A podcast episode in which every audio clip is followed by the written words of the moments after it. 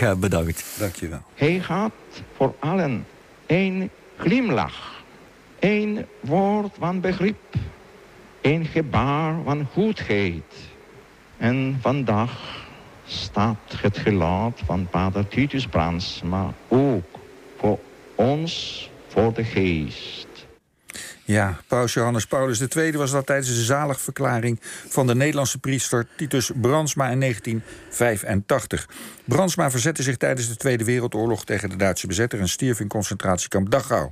Vandaag wordt een volgende stap gezet in zijn verering. De zalige wordt heilig verklaard. En dat gebeurt as we speak deze zondagochtend in Rome. Om tien uur vanochtend is hij heilig verklaard, met negen anderen overigens, eh, tijdens een ceremonie door paus Franciscus. En hoe bijzonder is zo'n heiligverklaring eigenlijk eh, in dit geval van Titus Brandsma? We vragen dat aan historicus die heel veel van het protestantisme weet, maar ook behoorlijk veel van het katholicisme, Wim Berkelaar.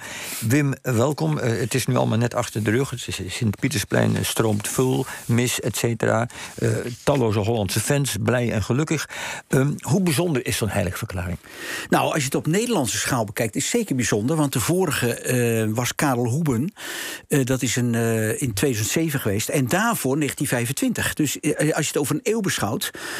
en je bekijkt het vanuit Nederland, is het toch vrij bijzonder. Ik zeg er wel bij, het heeft wel vrij lang geduurd. Ja, Fransma. ja 85 was de zaligverklaring. Ja. ja. Want waar, waar, waar, ligt dat dan aan? Nou, het punt is, kijk, normaal gesproken tussen zalig en heiligverklaring heb je twee wonderen nodig twee. Ah, en, die, en die wonderen moeten hebben plaatsgevonden na de zaligverklaring?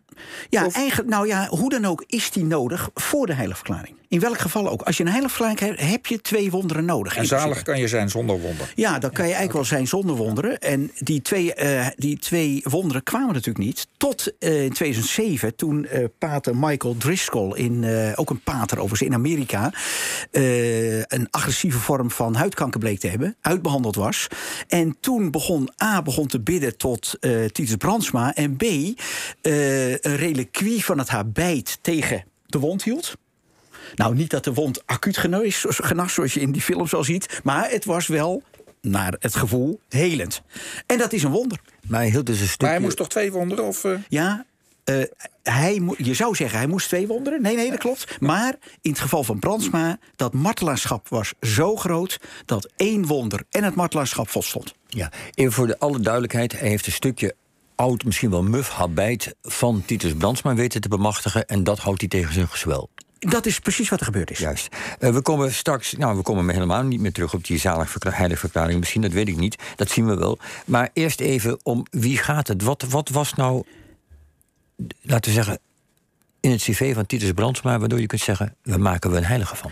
Nou ja, kijk, Titus Brandsma was, uh, Paul zei al, in de oorlog, maar ook ver voor de oorlog was die man eigenlijk vrij vroeg erbij om het nazisme te bestrijden. Dus uh, kijk, hij, uh, het is, hij, hij groeit op in een Fries-Pools geslacht in Bolsward.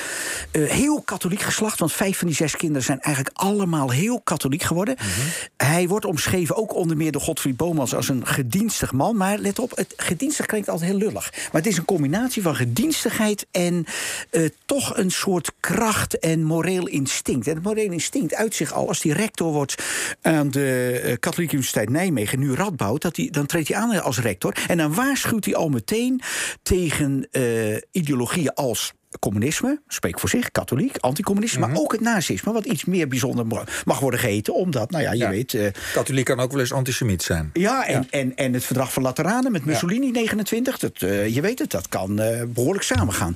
Dus uh, het was bijzonder dat hij in 233 in dat ene jaar van rectoraat zich meteen in de rectoraatsrede keert tegen het nazisme. Vervolgens heb je een Duitserzinde na hem, een, een, een man die zich opwerpt als een nieuwe rector, Theodor En die, dat weet hij, uh, Titus Brandsma dus, te verhinderen. En er wordt zelfs gezegd, maar of dat apocrief is, weet ik niet... dat hem een vloek ontlokte toen hij hoorde dat Bader uh, rector zou zijn geworden. Ja, of dat waar is, weet je niet. Maar goed, ja. dat zegt iets over het engagement van de man. Ja, dan, dan, dat zegt wel iets, ja. Um, en de oorlog zelf, waaruit bestaat zijn martelaarschap en verzet. Zullen we bij het verzet beginnen en dan komen we vanzelf wel bij het martelaarschap, denk ik. Ja, nou kijk, dat, dat verzet bestaat erin. Ja, dan moet je toch ook weer deels voor de oorlog. Want hij is opgepakt vanwege dat voor de oorlogsverzet. Hè. Kijk, je, de nazi's, toen ze in Nederland kwamen, hadden ze natuurlijk allemaal lijsten van mensen waar ze dachten, eh, die moeten we hebben. Mhm. Dus eh, bijvoorbeeld mensen als Ante Constance, Pieter Geil en alles, die zijn, die zijn al meteen in 40 opgepakt. Maar, die werden gijzelaar. Die werden gijzelaar. Maar hij, eh, sto- hij werd ook al tegen kardinaal de Jong werd al gezegd door een van de topnazi's. Eh, pas op, dit is een gevaarlijk man. Eh, Brandsma, met andere woorden. Eh, met andere woorden, we moeten opletten. Die man moet opletten en anders wordt het concentratiekamp.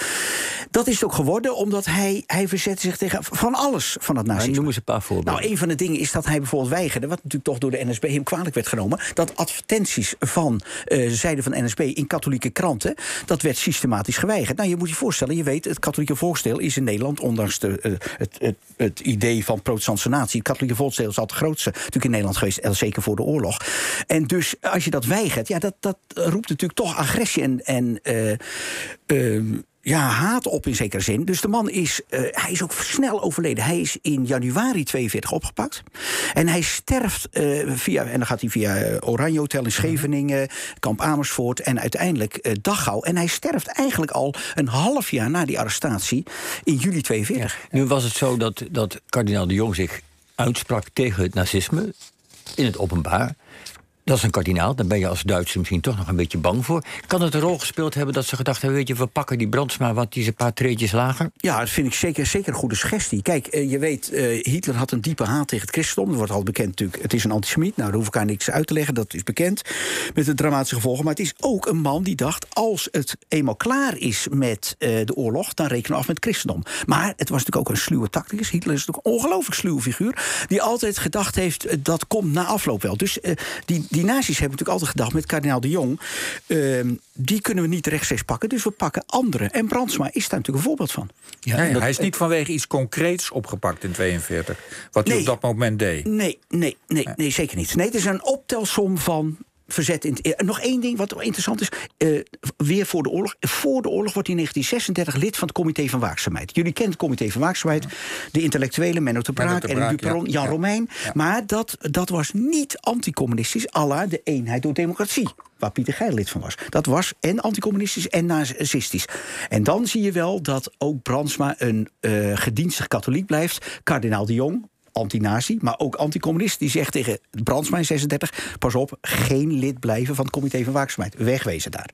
Was te links. Ja, was te links. Was te Ja, links. Hij, hij wordt dus martelaar. Hij, hij komt een dag al om. eh, sterft eigenlijk veel te snel, zeg je. Dat, Nou ja, dat- eh, waar, waar dankt hij dan die, die, die, die, die, die, die, het imago van martelaarschap nou precies aan... als je dat zo in één zin zou moeten omschrijven? Eh, door consequent van meet af aan, eh, 32, 33 eh, tot 42 helemaal anti-nazi te zijn en niet, laten we zeggen, door de oorlog na, eh, anti-nazi te worden, door de bezetting. Hij was dat al ver voor de oorlog. Dus ik vind het, als je al, eh, kijk, ik ben geen katholiek, maar als je katholiek bent en je denkt aan uh, zalig en heiligverklaring, dan is dit wel een juiste. Ja. Zit er ook een vlekje ergens op eh Titus Brandsma? Nou ja, het vlekje zou kunnen zijn dat deze man ook echt een hoeder is van dat katholieke volksdeel. En eh, kijk, hij wordt nu. hij- kijk, zo, als zo'n biografie heilig wordt, hè, dan wordt zo'n biografie ook, laten we zeggen, glad. Maar dit was natuurlijk ook gewoon een man die eh, heel braaf en trouw in die katholieke traditie eh, liep. En eigenlijk niets begreep van wereldlijke ideologieën. Want alles wordt natuurlijk afgewezen. Atheïsme en alles. Het wordt allemaal dat, is, afgewezen. dat is een vlekje voor, voor zeg maar niet-katholieken, hoe je over katholieken denkt. Maar heeft hij bijvoorbeeld ook tegenover de bezetter af en toe een steek laten vallen? Is, is er iets, is er ergens op te betrappen? Bij mijn weten niet. Oké.